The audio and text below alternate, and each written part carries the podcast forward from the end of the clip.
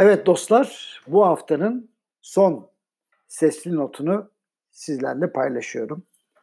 Bu sabahki yazımın ismi kodlama yapacaksak buradan başlayalım. Değerli dostlar, sürekli olarak ekonomi üzerine yazmanın iki adet riski var.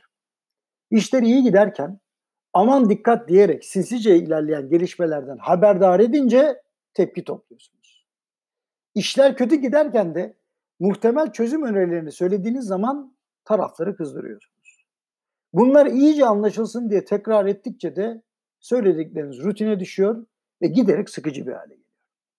Bu sebeple meselenin özüne inmek, en azından sorunun temelini araştırırken bir miktar sıkıcı olmak riskini de almak gerekiyor. Geçenlerde sosyal medyada Doktor Kerem Dünder'le bir söyleşi yaptık. Bana şunu sordu. Yaşadığınız şu dönemi nasıl tarif edersiniz? Ben de kendisine bu dönemin kodlarını size tarif edeyim dedi. İçinde bulunduğumuz süreçte insanların sahip olması gereken üç önemli davranış ya da değer olduğunu düşünüyorum. Bunlara kod da diyebiliriz. Bir, yüzleşme. Çocuklarına ve evdekilere yoğun tempo sebebiyle zaman ayırmamış olanlar belki de ilk defa hem kendileriyle hem de onlarla yüzleşiyorlar. Çoğu insan evine giderken makam ve ünvanlarında ya da yaptıkları işleri verdiği önemden sıyrılmadan girdiği için gerçek kimliğini ortaya çıkaramadan iyi geceler deyip yatıyor. Maalesef çoğu insan işini eve getirdiği için ünvanından da makamından da sıyrılamıyor. Yaptıkları işin arkasına saklanarak sorumluluktan kaçan ebeveyn ve çocuklarla dolu Dolayısıyla günde 3 saatten fazla birbirini görmeyen insanlar şimdi uzun saatler boyunca yüz yüzeler. Aslında bu durumdan fayda üretmek mümkün. Şunu da hatırlatayım. Normalde asgari müşterekte buluşamayan insanların herhangi bir spor ya da eğlence türüyle anlaşabilmesi zaten mümkün değil. Ancak eve kapanınca mecburen bir uzlaşı yolu bulmak zorundalar.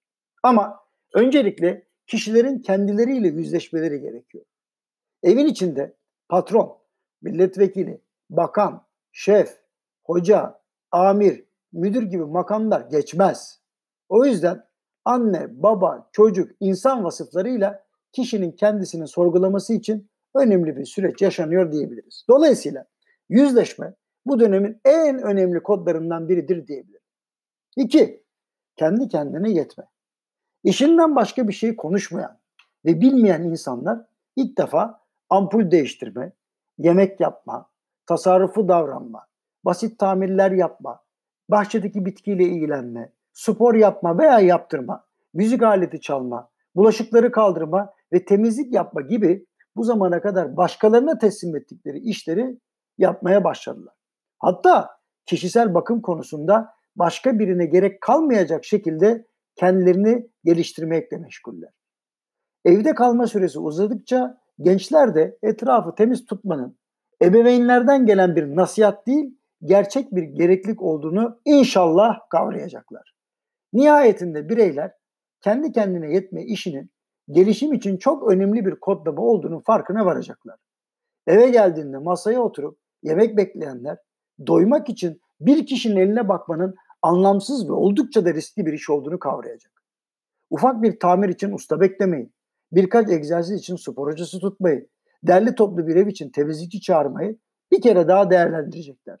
Eğer bu konularda daha derinlikli bir yaklaşım göstermek isterlerse o zaman uzmanlara başvuracaklar. 3. Sabır.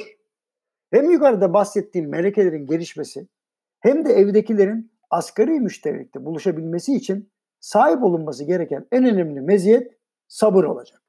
Gençler itiraz edecek, büyükler sabırla dinleyecek. Sonra büyükler anlatacak, gençler sabırla dinleyecek. Başka çare yok. Bundan başka 2-3 hafta evde kalıp sosyal medyadan öğrenilenle tamirci, yoga hocası, gitarist, şarkıcı, ekonomist, mutfak şefi, psikolog, tarihçi, doktor olunmayacağını da bilmek gerekiyor. Elbette herkes kendi kendine yeteceği kadar sağlık, spor, gastronomi, mentörlük, müzik, kitap, sanat, film vesaire bilmesi çok önemli. Ancak bu seviyeye ulaşmak için bile sabırla yola devam etmek gerekiyor ustaların ne kadar büyük iş yaptığını daha iyi anlamak için onların yaptığı işin birazını bilmek son derece faydalıdır. Dolayısıyla sabır bu sürecin üçüncü ve belki de en önemli kodlarından biri olacak. Özetle dostlar, pandemik bir salgınla başlayan kontrollü karantina sürecinin moral bozan tarafları yerine bize kazandıracakları üzerinde yoğunlaşmak bu zorunlu tatil sürecini değer yaratarak geçirmemizi sağlayacaktır diye düşünüyorum.